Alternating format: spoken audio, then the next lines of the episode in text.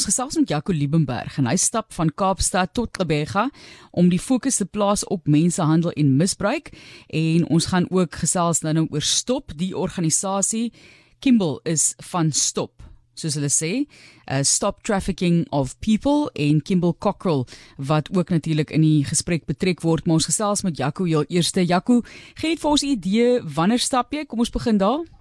Ja, ehm um, Matlies, um, goeiemiddag. Ja, ek het so die 22ste begin stap um, uit Melkbos uit en dan ehm um, beplan ek om so net voor voor Nuwejaar te maak. Ek het 'n bietjie vinnig rustig gedink het, uh, maar behoort dan klaar te maak, ja sê vir ons hoekom hierdie onderwerp, hoekom mensehandel? Ja, ek dink eers en dink mensehandel is 'n is 'n is 'n onderwerp wat nie baie aandag kry nie. Ek dink dit is is maar moeilik het um, onderwerp om oor te gesels en ek dink dit is iets wat ehm um, baie hulp nodig het om die mense te ondersteun wat dit heidaglik doen.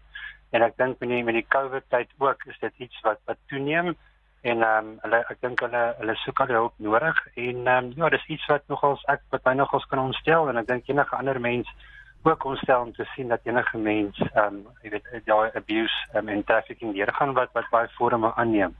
En ek het besluit om om daarvoor daarvoor te stap ja. Jy stap ook onder die vaandel van die National Freedom Network korrek ja.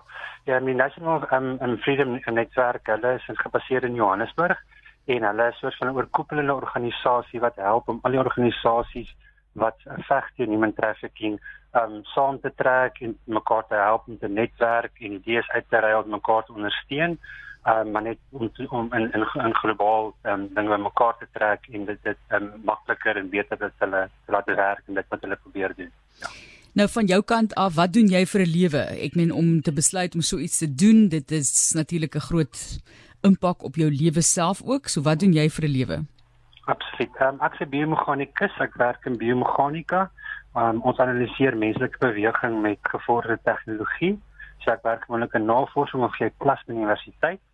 Um, en ek het my kontrak klaar gemaak in Julie en ek is nou so tussen in werk en ek besluit dit is 'n geleentheid vir my om 'n bietjie my situasie om te draai en ek het nou ook bietjie tyd so ek kan dit ek kan dit aanpak en ehm um, dis vir my baie lekker om, om 'n verskil te kan maak vir vir, my, vir ander mense ook wat dit regtig nodig het en dinge wat ons nie altyd sien en besef wat wat anders deurgaan. Ja. Het jy nog altyd sulke tipe van kwessies of sulke tipe van staproetes byvoorbeeld gedoen of jouself uitgedaag op 'n manier vir 'n organisasie? Weet jy maar maar lief nee, dit was actually my eerste keer. Ja, nee, ek met hulle kontak maak, so dit is actually my eerste keer dat ek so iets groot aanpak. En dit is 'n tamelike nuwe ding vir my, so ek leer dit maar soos ek aangaan. En ehm um, ja, dit is nogal uh, soos jy sê groot impak op my lewe sover. Ek is nou amper halfpad en ek was nou maar halfpad. En um, ja, nee, dit het 'n sekere impak en dis dis nou my eerste keer wat ek so so iets groot aanpak. Buite ek ek het gewoonlik gewolunteer vir verskeie verskeie plekke maar om sweet aan te pak en regtig um, probeer awareness dit um, die te kry is dit die eerste keer. Ja. ja. Goed, jy het nou gesê daarso bewusmakings aan die groot ding want jy stap om iets te stop, maar hoe? So gee vir my net 'n idee van op watter manier jy dink hierdie stap dit gaan stop. Mensehandel gaan stop. Jy weet jy praat nou hier van van jog, diep vlak vlakke van misdaad. Ja, ja presies. Weet jy ek dink my my stap is is op die een genoem ek dink is geskryf het op my um, my blad is meer om my attitude te om switch te kan stop. Ehm um, ek dink dis dis iets wat ons weet baie moeilik is om te stop, maar ehm um, ek dink vir my is die is die attitude van die stap om regtig 'n contribution te maak om op die einde nog so iets te kan stop alhoewel dit baie baie moeilik is soos almal weet.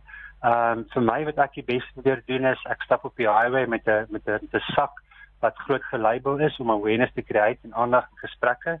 En dan ook 'n Facebook bladsy wat ek gebruik om um awareness te kry en net ook inligting te gee oor wat dit behels en mense wat wat veral um nie besef dat dat hulle um sonder dat hulle weet miskien hulle kinders of hulle self of, of iemand in wat nie werk het nie wat daar ingetrek kan kan word in dit. En ek dink saam met stop wat baie prevention doen om net 'n bietjie awareness te kry om versigtig te wees en uit te kyk en te prevent en te help prevent dat so iets kan gebeur. En dis wat ek ook probeer met die safety tips doen op die, op my um, webblad so ek dis dis die die die dinge wat ek probeer doen om um prevention actually probeer uitsit saam met die organisasie en hulle te, te, onder, te ondersteun in wat hulle doen. Ja.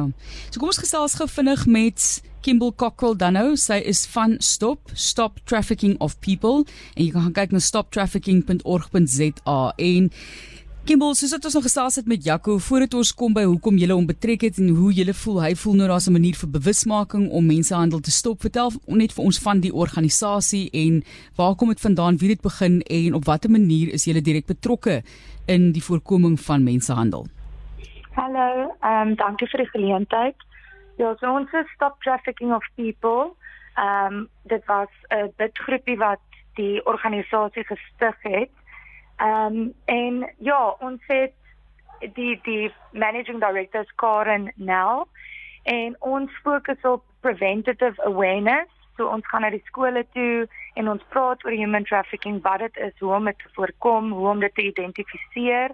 En ehm um, ja, ons gee maar net safety tips vir die kinders om seker te maak dat hulle net nie in die moeilikheid kom of in 'n human trafficking situasie vasgevang word nie.